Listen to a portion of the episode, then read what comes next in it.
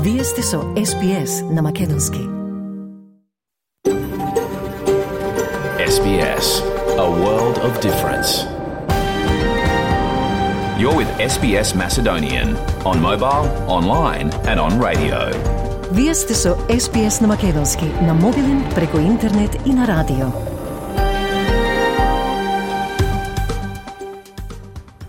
СБС им оддава признание на традиционалните собственици на земјата од која денеска емитуваме програмата на македонски јазик.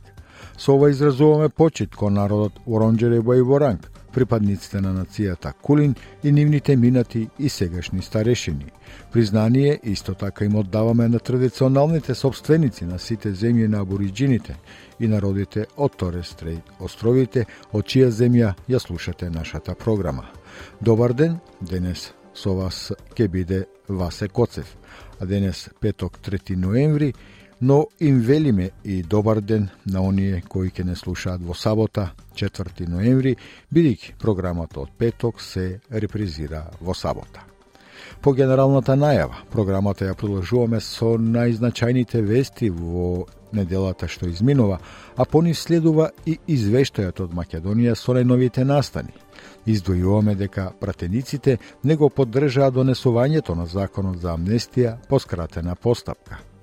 Од прилозите на домашни австралијски теми ќе слушнете за дебатата за работа од дома или враќање на работното место, како и за поболниот проблем за изнајмување недвижнини во услови на ограничен број на имоти и покачување на цената. Кон крајот на програмата, разговор и со Лидија Нешковски за одржувањето на традиционалниот македонски фестивал на вино и храна, кој се одржува во сабота на 4 ноември. Програмата ја продолжуваме со најновите вести.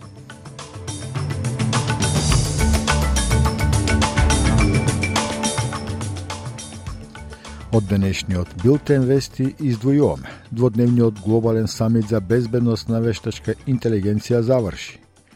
Премиерот Ентони Албанезе подготвен за својата прва посета како австралиски лидер по 7 години на Кина.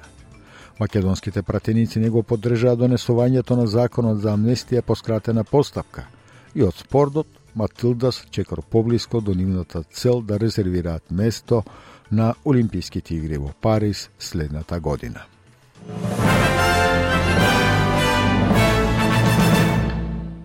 Експертите на Обединетите нации уште еднаш повикаа на хуманитарен прекин на огнот во Газа, велејќи дека времето истекува за палестинскиот народ таму, кој според нив е во, цитирам, голем ризик од геноцид.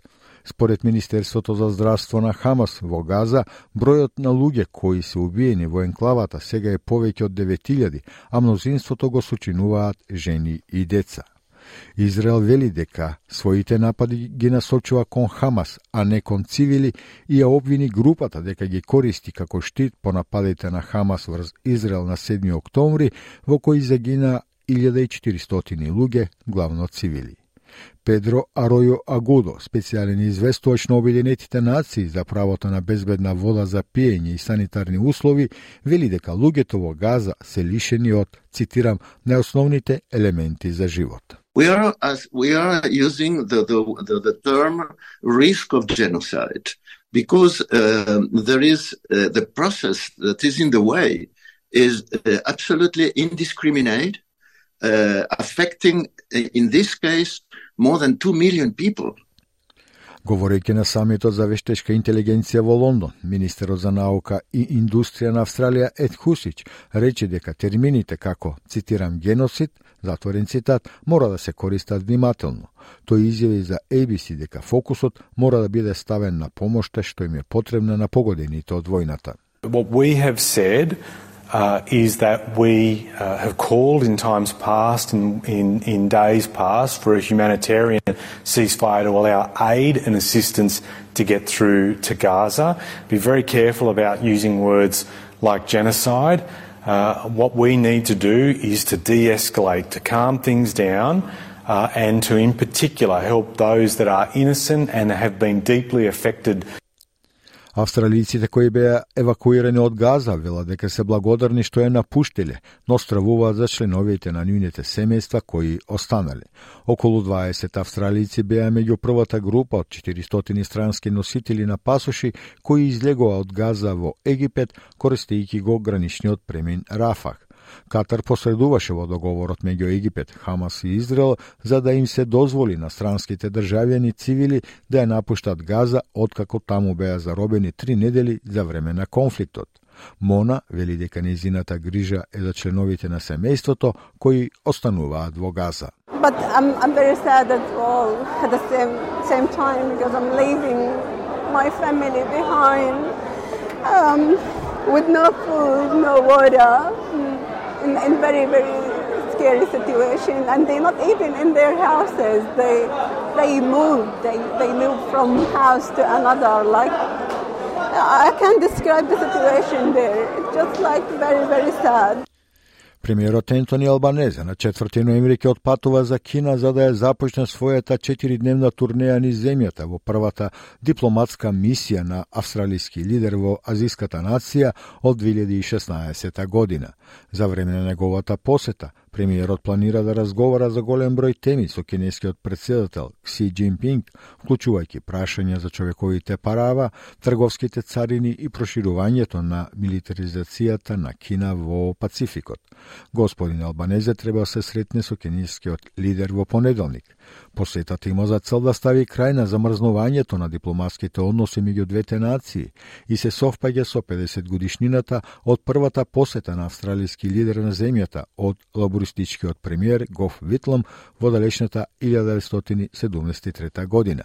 Амбасадорот на Австралија во Соединетите Американски држави, Кевин Рад, изјави за ABC дека стабилните односи се исто така во најдобар интерес на Кина. China sees value in stabilizing the relationship, in large part because they know their economy is suffering from declining trade and declining foreign direct investment flows and portfolio investment flows, not just from the US but around the world. So they have an interest in stabilizing this relationship as well. Австралија меѓу 28 нации, вклучително и Кина, кои подпишаа документ со кој ветуваат поголема соработка за истражување и употреба на вештачката интелигенција, за да се осигури дека таа се развива на начин кој е, цитирам, човекоцентричен, доверлив и одговорен, затворен цитат. Наречен Блечлиева декларација, документот беше подпишан на дводневниот самит организиран од Обединетото кралство во паркот Блечли, домот на британските шифри од Втората светска војна. Австралискиот министер за индустрија и наука Ед Хусич вели дека подпишувањето на ветувањето ја покажува посветеноста на Австралија да работи со меѓународната заедница за да се осигура дека вештачката интелигенција е развиена со соодветни заштитни огради. Премиерот на Обединетото кралство Риши Сунак на многу начини вели дека изјавата е, цитирам, прво во светот затворен цитат и тоа е првиот чекор од донаш што тој се надева дека ќе биде силен процес со идни самити на кои домакините ќе домакини ќе бидат Јужна Кореја и Франција. Until now, the only people testing the safety of new AI models have been the very companies developing it. That must change. So building on the G7 Hiroshima process and the global partnership on AI, like-minded governments and AI companies have today reached a landmark agreement. We will work together on testing the safety of new AI models before they are released. На самитот беше и технолошкиот милиардер Илон Маск. За време на 40-минутниот разговор со господин Сунак, тој рече дека гледа време кога вештачката интелигенција ќе ги застари сите работни места и тој ја нарече вештачката интелигенција, цитирам, најприкинувачка сила во историјата, затворен цитат. Тој вели дека напорите мора да бидат насочени кон насочување на употребата на вештачката интелигенција на начин што е, цитирам, корисен за човештвото. We, we start with insight. I think there's a lot of concern among people in the uh, AI field that, will, that, that, the government will sort of jump the gun on um, rules before knowing what to do. Um, and I think, um, I think that's unlikely to happen. I think what, what we're really aiming for here is to establish a framework for insight so that there's at least a third party referee, an independent referee, that can observe what leading AI companies are doing and at least uh, sound the alarm if they, if they have concerns. А мнозинството пратеници во Македонското собрание гласаа против предлогот на владата на законот за амнестија по скратена постапка кој пред пратениците го представи министерот за правда Кренар Лога. Против потребата од донесување на закон гласа 66 мина пратеници, а 15 мина беа за. Предлагачот на ова законско решение, министерот за правда Кренар Лога, пред почетокот на седницата на пратениците им подели фотографии од лошата состојба во затворите и нагласи дека со амнестијата ќе се овозможи, како што рече, социализација на затворените лица откако ќе бидат пуштени. Значи денеска Македонија по неправедна држава од вчера. Јас ја гледам ова како одмазда за неподдршката па од моја страна и на мојата политичка партија за измените на кривичните, кривичниот закон. Денеска не се прифати предлогот за да биде поскратена постапка, така да јас пак ќе ја повторам постапката редовна постапка. Ако сакат дежаву, пак ќе има тоа можност уште една да гласа за оваа работа.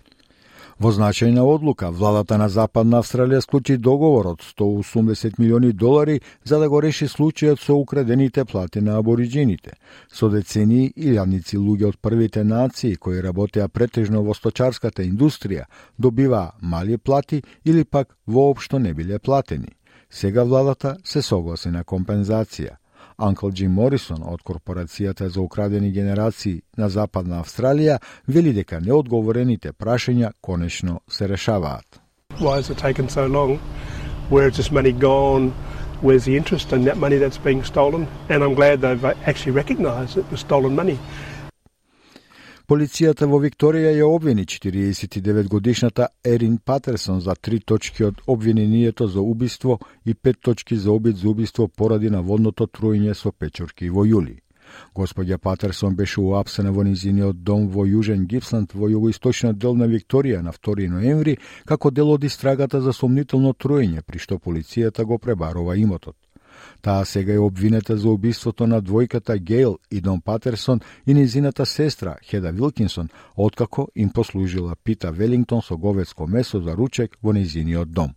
Сопругот на Хеда, Иан Вилкинсон, се уште се опоравува, откако помина речиси два месеци во болница, каде се лекуваше поручекот. Инспекторот од полицијата Дин Томас во одредот за убиства ги подсети луѓето да внимаваат кога разговараат за трагичниот инцидент. I think it's particularly important that we keep in mind that at the heart of this, three people have lost their lives. These are three people who, by all accounts, were much beloved in their communities and are greatly missed by their loved ones и од спортот, односно од фудбалот, со головете на Мери Фаулер, Сем Кер и Тамека Јалоп, Матилдас го победија со 3 спрема 0 пред 19.000 гледачи во Перт, а, Тајван на 1 ноември. За да се квалификува за Олимписките игри во Париз во 2024 година, Австралија сега мора да го победи а, светската, а, односно репрезентацијата Узбекистан, инаку 50 на светската ранг листа во двомеч плейоф во февруари. Узбекистан ќе биде домакин на првиот надпревар на 24 февруари, а Австралија ќе биде домакин на вториот надпревар на 28. Настапот на Фаулер продолжува да импресионира. 20 годишната девојка го постигна својот втор гол во трите квалификацијски надпревари. Таа вели дека е неверојатно да се види тимот како се истакнува во трите надпревари. You know, I think that first camp after a big tournament can go, you know, either way. Um, either everyone's really tired and performances kind of drop off a bit, um, or, you know, you're able to build off that momentum. And I think you can see in, in this camp, in three games, you're able to build off that. And everyone was just as motivated as we were in that first game of the World Cup. So it's been a really good camp, I think, for everyone. Um, and it's great to get through good results. А од најновата курсна листа денес еден австралиски долар се менува за 0,60 евра, 0,63 американски долари и 36,82 македонски денари, додека еден американски долар се менува за 57,92 македонски денари, а 1 евро за 61,16 македонски денари. Да слушнеме и временската прогноза за поголемите градови во Австралија за сабота, 4 ноември, Перт сончево со температура до 37 степени, Аделајд сончево до 23, Мелбурн делумно облачно до 18 степени, Хобарт услови за дожд до 15, Камбера повремен дожд до 20 степени, Сидни врнежливо до 23, повремен дожд и во Бризбен со температура до 27 степени, Дарвин сончево до 35 и во Алес Спрингс претежно сончево со температура до 36 степени.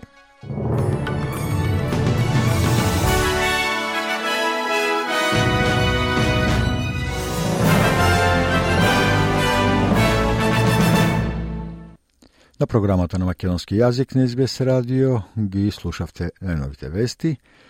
Доколку сакате да ги слушате повторно, тоа можете да го направите доколку ја посетите нашата Facebook страница SBS Macedonian или нашата веб страница sbs.com.eu косацрта Macedonian. Таму секако ќе го најдете и извештајот од Македонија, кој ќе имате можност во програмата да го слушнете веднаш после првиот блок маркетинг.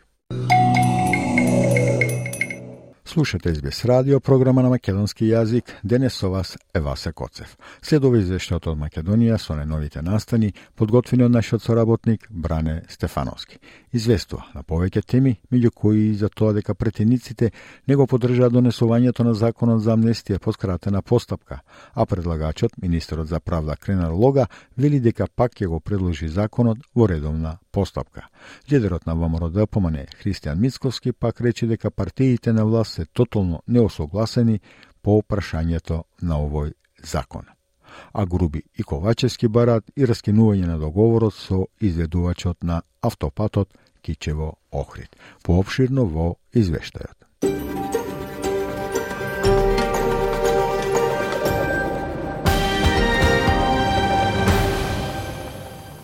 Мнозинството пратеници во собранието вчера гласаа против предлогот на владата на законот за амнестија по скратена постапка, кој пред пратениците го представи министерот за правда Кренар Лога. Интересно е тоа што и пратеници на владеачката коалиција гласаа против донесувањето на законот по брза постапка. Против потребата од донесување на законот гласаа 66 мина пратеници, а 15 мина беа за.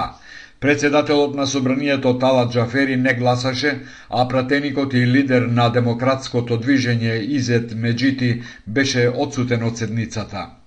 Предлагачот на ова законско решение, министерот за правда Кренар Лога, пред почетокот на седницата на пратениците им подели фотографии од лошата состојба во затворите и нагласи дека со амнестијата ќе се овозможи, како што рече, социализација на затворените лица откако ќе бидат пуштени. Значи денеска Македонија по неправедна држава од вчера. Јас ја гледам ова како одмазда за неподдршката од моја страна и на мојата политичка партија за измените на кривичните кривичниот закон. Денеска не се прифати предлогот за да биде поскратена постапка, така да јас пак ќе повторам постапката редовна постапка. Ако сакат дежаву, пак ќе има тоа можност уште една да гласат за оваа работа. Премиерот Димитар Ковачевски смета дека на собраниската седница на која се гласаше предлог законот за амнестија биле почитувани сите процедури, а одлуката да се гласа против донесување на овој закон според него не треба да влијае на односите со коалиционите партнери. Сметаме дека е запазена целата процедура и сето она што беше кажано и сметам дека ова не треба да влие на а, односите во коалицијата со оглед на тоа дека секој можеше да го искористи своето демократско право да ги искаже своите аргументи, а оние кои што го имаат право на глас да го искористат за гласање на парламентарната сесија. Откако не беше изгласан предлог законот за амнестија, лидерот на ВМРО ДПМН е Христијан Мицкоски рече дека партиите на власт се тотално неусогласени откако министрите во владата дале зелено светло, а сега пратениците го стопираат законот. Спасовски, Ковачевски, Маричич, Бисера, тие го гласале на владина седница. А пратениците на СДСМ сега велат ние нема да го гласаме. Може би треба прашањето да биде упатено кон Ковачевски, да не има некаков е, некакво недоразбирање помеѓу пратениците и раководството на, на СДСМ кога станува збор за гласањето на овој закон. Предлогот предвидува казните да бидат намалени за 30 насто на осудениците што ги исполнуваат условите, со што постапувањето на законот во сила, голем број осуденици веднаш би требало да излезат на слобода. Тие што се осудени до 6 месеци за поситни кривични дела нема ни да влезат в затвор. Опозиционите партии на македонските албанци Алтернатива Беса Демократското движење изразуваат поддршка за судиите на Врховниот суд. Тие велат дека според информациите што ги добиле од свиркачи, врз судиите од тој суд се врши притисок од страна на ДУИ за да го вратат поранешниот премиер Никола Груевски, кој се наоѓа во политички азил во Унгарија. Лидерот на демократското движење Изет Меджити на пресконференција изјави дека со политичката моќ на врховните судии се урива столбот на демократијата и дека оваа постапка е против европските вредности. Ова е уште еден показател дека Демократската унија за интеграција не е заинтересирана за Европска унија и уставните промени. Тие имаат потреба Груевски да се обиде да прави политички пазарање со ВМРО ДПМН за влез во централ, централизирана влада, пазаречи се со идните пратеници на СДСМ. Искрено жалам за нивото на кое падна Али Ахмети и Демократската унија за интеграција, а тоа народот жестоко ќе го усуди на денот на изборите. Опозициониот фронт на албанските партии во Македонија упати апел до судиите да не подпаѓаат под влијание и да судат според законот. Тие велат дека имаат информации дека деновиве ќе се поднесе ново барање до нов судија да донесе одлука по секоја цена да биде вратен Никола Груевски. Пратениците на опозиционата Собраниска партија Левица, која во Собранискиот состав партиципира со двајца пратеници, до председателот на Собранието поднесе предлог декларација за солидарност со палестинскиот народ и за осуда на израелската воена акција. Во декларацијата меѓу другото се бара осуда на воените акции од страна на безбедносните сили на Израел во Газа. Во декларацијата понатаму се вели се бара од владата на РМ да ја признае независната држава Палестина и да воспостави дипломатски односи на ниво на амбасади, а од председателот на Републиката се бара веднаш да го отповика македонскиот амбасадор во Обединетите нации, кој гласаше воздржано за резолуцијата на Генералното собрание за заштита на палестинските цивили, како и вклучување припадници на Арама во мировните мисии на Обединетите нации за давање хуманитарна помош на појасот Газа, се вели во предлог декларацијата на Левица. На маргините на Министерската конференција проширена посилна унија која се одржува во Берлин и е посветена на проширувањето на Европската унија, министерот за надворешни работи Бујар Османи остварил повеќе билатерални средби. Како што соопшти МНР, шефот на дипломатијата имал одвоени средби со министрите за надворешни работи на Словенија и Црнагора Тања Фајон и Филип Ивановиќ и со државната министерка за Европа и за климата при Министерството за надворешни работи на Сојузна Република Германија Ана Лирман. На средбата со Фајон Османија поздравил поддршката на Словенија за постепената интеграција на земјите кандидати во Европската Унија, односно концептот повеќе интеграција пред членството на негова иницијатива. На средбата со ново наименуваниот министер за надворешни работи на Црнагора Ивановиќ се разговарало за тековниот реформски курс на двете земји, целосната хармонизација со заедничката надворешна и безбедносна политика и јасна посветеност членството во ЕУ да се реализира во што поскоро време. Како што информира Манара, Османи го информирал министерот Ивановиќ за процесот на уставни промени во кои треба да се внесат шесте заедници во уставот, меѓу кои и Црногорската. Во текот на средбите со Фајон Ивановиќ и Лирман се разговарало и за други актуелни прашања од надворешната политика, соопштува Манара. По 10 години градба по безброј додатоци на основниот договор и ветувања, наместо официјално пуштање на автопатот Кичево Охрид до крајот на декември, како што ветуваше власта, вице-премиерот Артан Груби и премиерот Ковачевски ќе бараат ревизија на проектот, па и раскинување на договорот со кинеската фирма изведувач Синохидро. Груби на говорницата на првата конференција за патна инфраструктура рече: Со 400 милиони евра денеска е над 600 милиони евра и нема еден Еден метар асфалт пуштен во употреба. Истекува рокот сега на крај на годината. И сметам премиере дека е крајно време и владата и собранието да го разгледа тој договор, па ако треба и нека се прекине. И нека се даде на друг. Затоа што ова веќе е скандалозно. Изјавата на премиерот Ковачевски беше во ист правец како и на Груби. Сметам дека треба да се размислува и во насока на раскинување на овој договор и барање на изведувач кој што ова ќе го направи на квалитетен начин, а не да гледаме 10 години пат кој што се прави, во кој што се инвестираат пари, а до сега нема ниту едно метро пуштено автопат на делницата Кишево Охрид. По ревизијата ќе има и одговорност, најавува премиерот. Изминативе месеци министерот за транспорт и врски Благој Бочварски повеќе пати ветуваше дека автопатот ќе биде завршен до крајот на оваа година, најдоцна до почетокот на идната, но вчера ги избегна медиумите, иако беа најавени изјави од него и од Ејуб Рустеми, директор на државните патишта. Бочварски постојано ветуваше дека проблемите за реализација на автопатот Кичево Охрид, што произлегуваат од имотно правните прашања и од проектантските грешки се решени, дека на теренот работат околу 900 работници и дека автопатот нема да поскапе дополнително. Аналитичарите велат дека изјавите на премиерот и на вице-премиерот упатуваат на тоа дека 57 километарската делница Кичево Охрид, која досега чини околу 600 милиони евра, нема да биде скоро завршена. На програмата на македонски јазик на СБС радио го слушавте извештајот од Македонија подготвено нашиот сработник Бране Стефановски.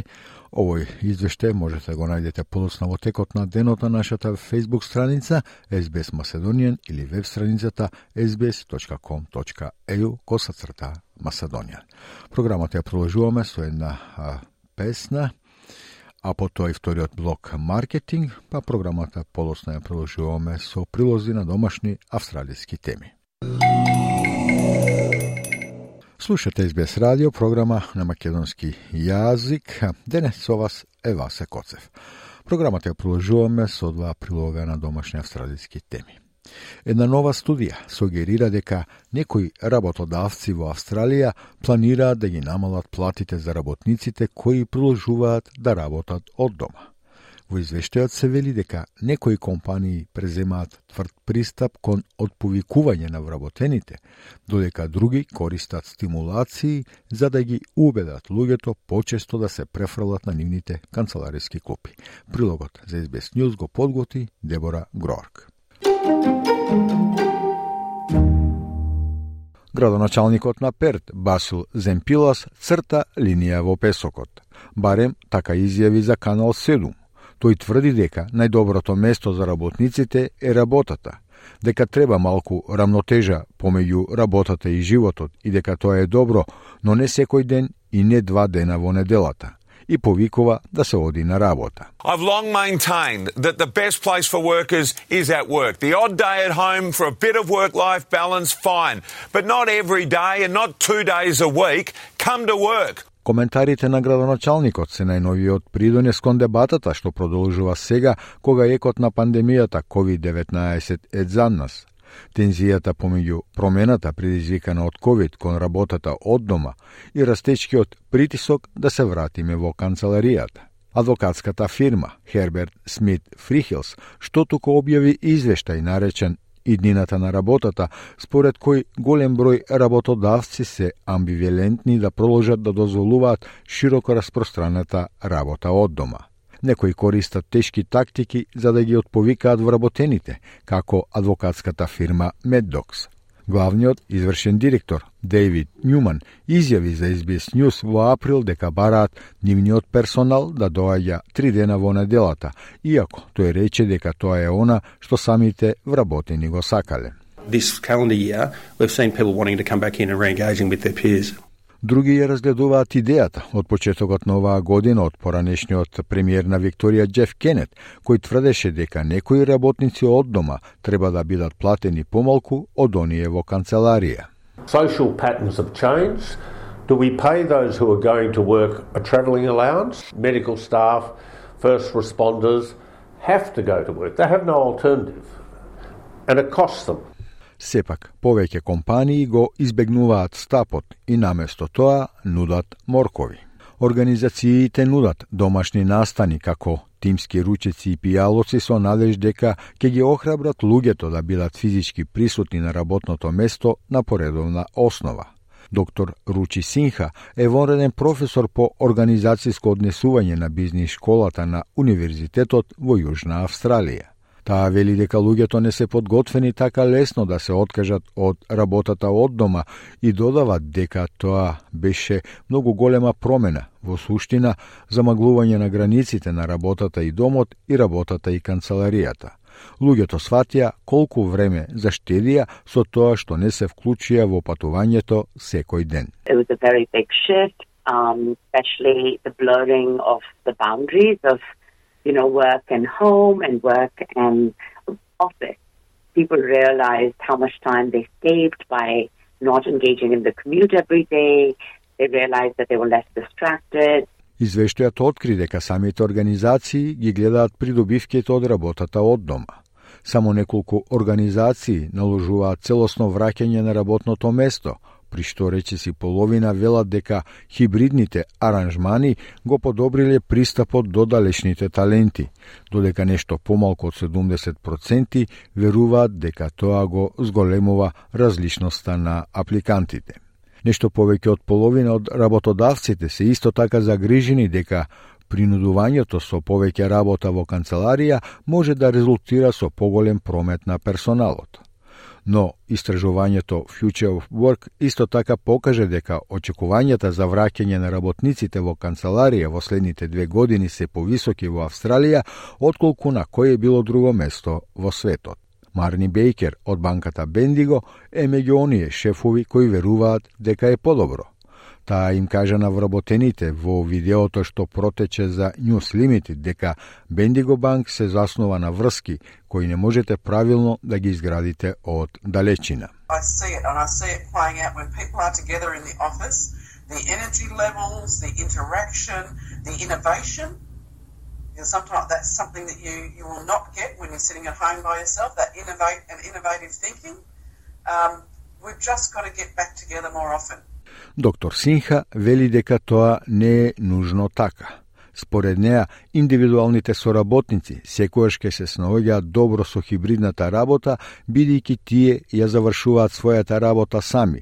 Потребна е помала координација. И со оглед на тоа што поголемиот дел од работата е дизајнирана во тимови, организациите би се мачеле со тоа. Individual contributors will always do fine with hybrid work. Because they get their work done on their own, less coordination needed, and you've seen the most productivity gain there. Even the research shows that individual performance has gone up, but there's mixed results on team performance.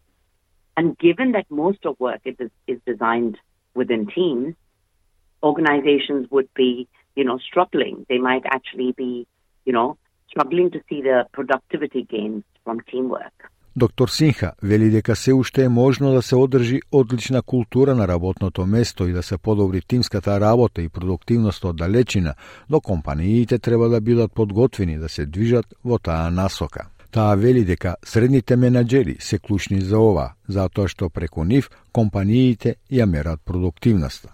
Според доктор Синха, средните менаџери во текот на COVID кризата има највисоко ниво на исцрпеност и емоционално исцрпување од работата, и тие работеа од далечина и беа флексибилни. The middle manager throughout COVID had the highest level of exhaustion and emotional burnout at work. They too were working remotely, they too were flexible, but they were not given the training or the aids or the technology to manage teams. So, um, and, and that model of managing people had not changed at COVID. Некои експерти, како научникот од одделот за економија на Универзитетот Стенфорд, Николас Блум, велат дека ова е воз што не може да се запре. Тој верува дека технологијата би можела да игра голема улога во одржувањето, па дури изголемувањето на работата од домашната култура. From talking to lots of tech companies, you know, Google, Microsoft, Apple, tons of startups, they're all saying this is a massive market. We're going to now improve the technology to service this market because there's much more money. This is going to mean in the long run levels of work from home are going to increase.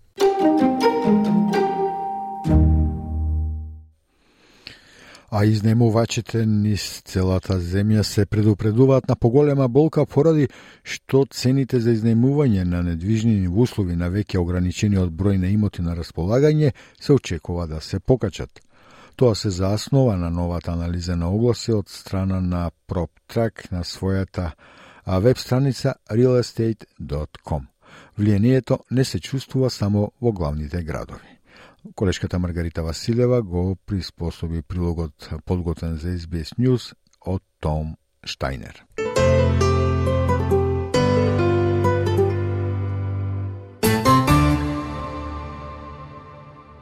Постојана побарувачка и намалена понуда. Тоа е тешката равенка со која се соочуваат изнајмувачите, поради што бројот на достапни огласи продолжува да се стега.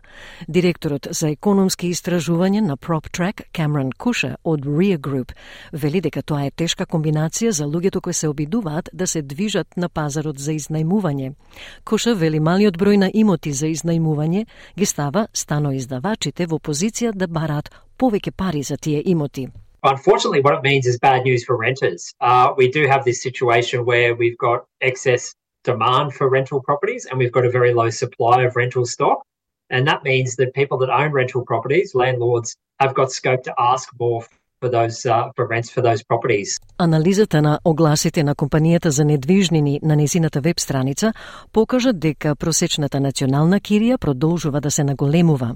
Таа достигна 550 долари неделно во септемврискиот квартал, што е за 14,6% повеќе во однос на истиот период минатата година. Огласите за изнајмување паднаа за 7,1% во истиот период. Господинот Куша вели дека тие сега паднале на рекордно ниско ниво. Тој вели изгледите се дека кириите ќе продолжат да растат на национално ниво, кое во голема мера ќе биде потикнато од главните градови, затоа што се уште има неусогласеност помеѓу побарувачката и понудата на пазарот. Господинот Куша потенцира дека треба да се изградат многу повеќе станови. The outlook is that rents are going to continue to rise nationally. That's largely going to be driven by the major capital cities and it's because we still have this mismatch between demand and supply uh, in the market. The, the longer term solution is we need to build a lot more housing. Uh, but that takes time. Предизвикот со зголемувањето на трошоците веќе се чувствува. Во Сиднеј просечната цена на изнајмување е зголемена за 18,2% на годишно ниво и се зголемува за повеќе од 10%, исто така забележана во Мелбурн, Аделајд, Перт и Бризбен. Но влијанието не е толку силно во другите главни градови. Марина Маклен од компанијата за недвижнини LJ Hooker вели дека агентите за недвижности продолжуваат да забележуваат зголемена побарувачка за изнајмување. Стапката на слободни мест за изнајмување велита е на најниско ниво досега, а предизвикот е што нема доволно за изнајмување. Our vacancy rates are the lowest they've ever been. And it is a challenging time out there. There's nothing to rent. People are really searching and, and there's nothing for them to find. You know, it's a combined series of events that's happened, but it's led to a situation where rental opportunities are very low. Ovoj predizvik gi pogodi i regionalnite oblasti. Просечната кирија се искачи на повеќе од 10% надвор од поголемите градови во Западна и Јужна Австралија. Забележителни зголемувања се забележани и во Квинсленд и Викторија, со помало влијание во Тасманија, Нов Јужен Велс и Северната територија. Господјата Маклен вели дека низа фактори придонеле за условите за изнајмување. Нема нови градби, велита, бројките за изнајмување продолжуваат да растат и покрај зголемувањето на каматните стапки има многу млади купувачи на домови кои ги искористуваат на доместоците и купуваат типични имоти за изнајмување, што во комбинација придонесува кон намалениот број на имоти за изнајмување. Исто така, Вегли Маклен, има голем прилив на луѓе кои се враќаат во Австралија по ограничувањата на COVID. We haven't got new construction, the rental figures keep going up despite interest rates increasing. We've got a long young home buyers taking advantage of these stamp duty allowances, buying typical rent rental stock. And it's just this combination that's just seen vacancy rates the lowest they've ever been. We've also got a big influx of people moving back to Australia after COVID, also needing somewhere to live. Потрагата по место за живење исто така доведе до тоа некои да станат жртва на експлоатација. Меѓународни студенти јавуваат дека станале цел на измамници со имот. Еден студент кој даде изјава за SPS News побара да се отстрани името. Вели стана жртва со првата одлука за изнајмување имот. This is the first time I've been scammed. This is also the first time I've rented. I asked my dad for advice, but he told me that I was now an adult and could start making decisions for myself. I was duped upon making that first decision. Студентката наводно била изложена на измама откако се борела да најде сместување преку традиционалните веб страници за недвижнини. We were using all of them. We also asked the locals in Australia to help us view the properties, but we kept getting knocked back. It's particularly difficult to apply. We only have one in ten chance of success on websites like realestate.com. Зголемувањето на кириите е само уште една грижа за многумина кои веќе се борат со зголемените трошоци за живот. Од прилогот на Том Стейна за SBS News. SBS. SBS. SBS. SBS. SBS. SBS Radio. На програмата на македонски јазик на СБС радио ги слушавте подготвените прилози на домашни австралијски теми. Сега следува уште еден а, краток блок а, маркетинг, а по него ќе имате можност да го слушнете разговорот со Лидија Нешковски по повод одржувањето на 10-тиот јубилеен македонски фестивал на храна кој се одржува а сабота 4 ноември со почеток од 12 часот во Seaworks во Нелсон Плес во Билјанстон. Значи, следува блок маркетинг, а потоа и разговорот со Лидија Нешковски. Слушате СБС радио, програма на македонски јазик. Денес со вас е Васе Коцев. Следува разговорот со господја Лидија Нешковски. Тема на разговор ќе биде одржувањето на десетиот традиционален десети поред македонски фестивал на храна и вино, кој што се одржува на 4 ноември во Вилјанстон. Со господја Нешковски разговараме за тоа што се ќе биде застапено на овој фестивал и други теми поврзани со фестивалот. SBS. SBS. SBS. SBS. SBS. SBS. SBS Radio. Лидија, добро дојдовте на програмата на СБС радио, програма на македонски јазик. Се ближи 4 ноември, одржувањето на а, фестивалот на вино и храна познат во македонската зеница. Како течат подготовките и дали сте подготвени за уште еден успешен фестивал? Добро утро на сите слушатели на СБС. Ви благодарам за поканата. Подготовките за фестивалот супер, скоро све е готово Сега само го очекуваме народот да дојди, да вкуси, да се напие и така. Да, народот сигурно ќе дојде, меѓуто, за да дојде треба да знае каде да, да, да отиде. Каде се одржува годинава фестивалот и што ќе понуди покрај богатата храна, музика, дали ќе има и нешто друго? Годинава фестивалот се одржува каде што почна во 2012 година. Нели почнавме во Вилјамстон и сега десетиот поред фестивал ќе се случи во Вилјамстон. Овај пат сме а, на 82 Нелсон Плейс, каде има зграда, ќе видиме mm -hmm. и подсуво и има и надвор, каде ќе има поглед кон морето. Што ќе понудиме оваа година е све македонско. Храна, вино, ракија, песна, оро, пејачи, диджеј. А можете да ни кажете кои културно-уметнички друштва колку имате планирано и кои пејачи ќе настапат? Ке спомнам, нека не, не, да не замерат, ке спомнам оние што ги имам запамтено. Да. Илинден од Сиднеј доаѓа, најголемата и најпопуларната група надвор од Македонија, тоа се Илинден од Сиднеј, ни доаѓаат mm -hmm. сите. После тоа овде, од овдека најголемата и најпопуларна група Јане Сандански, исто и Гоце Делчев, а, ги имаме Бенджо, виетнамската група тука е со нас, група имаме од Индија. Само да ги спомнам а, пејачите на денот и да изразам голема благодарност кон ними. Тука се Сања, Тина, Петар, Вера, Стела Бен, Кукурику и уште еднаш благодарност и повикувам масовно да учествувате сите. А, годинава фестивалот колку што забележа се одржува започнува во 12 часот, значи напладне, новина е тоа што ќе продолжи во вечерните часови. Тоа е заради да можат сите да учествуваат. И кога завршува? Почнуваме во 12 сато, mm -hmm. завршуваме во 10 на вечерта. Че ќе можат да присуствуваат и оние луѓе кои имаат помлади, помали фамилии, дечина мали ќе се учествуваат денот, помладите ќе си бидат на вечерта. И затоа има разно разна музика, Да, секако тука си локалните а, пејачи, ќе има и играорни групи. А, да. Минатата година фестивалот се одржа на отворено. А, познато е дека ги има и доста штандови кои што нудат богата храна, пијалок, ќе бидат застапени и годинава под овој затворен простор. Ова не е само затворен простор, mm -hmm. отидовме на затворен простор поради лани што ни се случи огромна катастрофа. Нели се поплави Фуцкрај, да. пак мораше да одиме во Јаравил.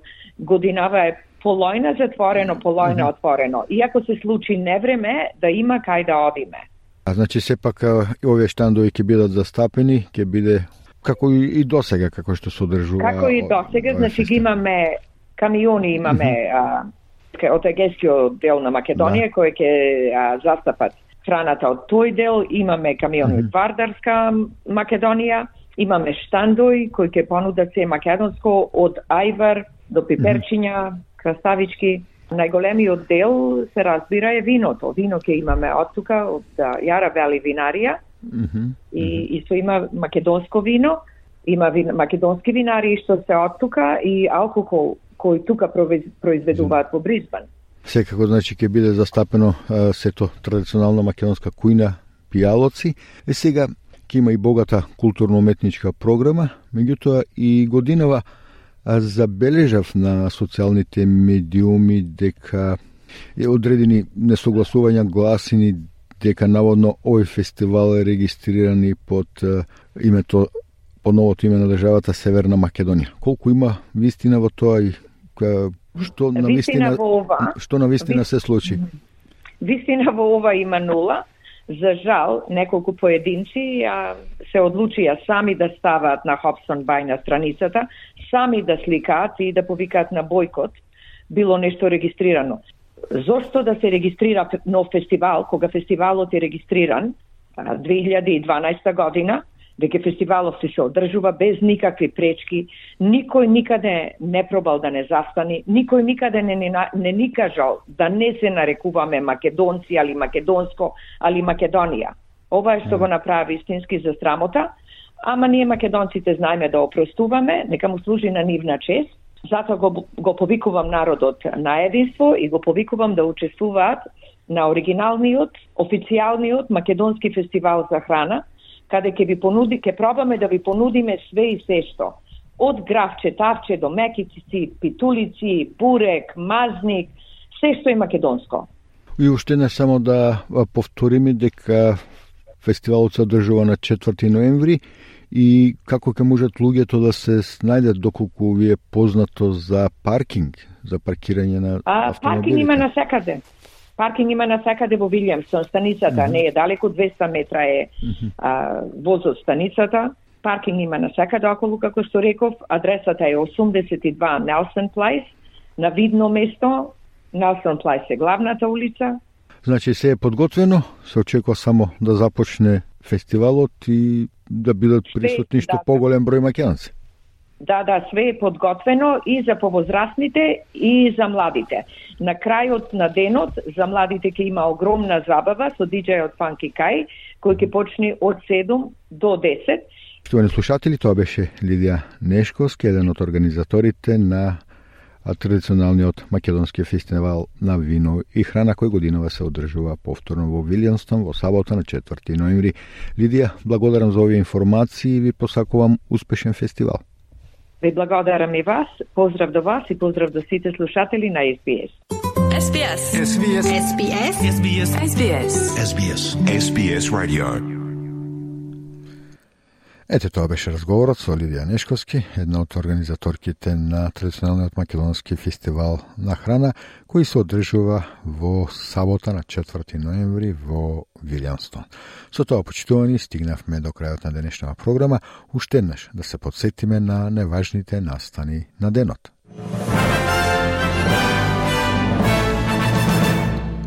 Дводневниот глобален самит за безбедност на вештачката интелигенција заврши. Премиерот Ентони Албанезе подготвен за својата прва посета како австралијски лидер по 7 години на Кина. Македонските пратеници не го подржаа донесувањето на законот за амнестија по скратена постапка. И женската фудбалска репрезентација на Австралија, Матилдас, чекор поблиско до нивната цел да резервираат место на Олимписките игри во Париз следната година.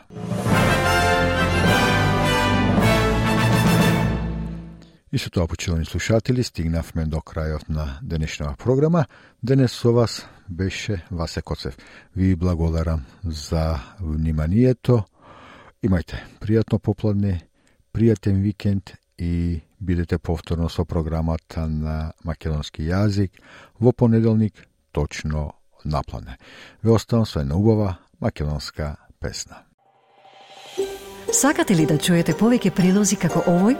Слушате подкаст преку Apple Podcasts, Google Podcasts, Spotify или од каде и да ги добивате вашите подкасти.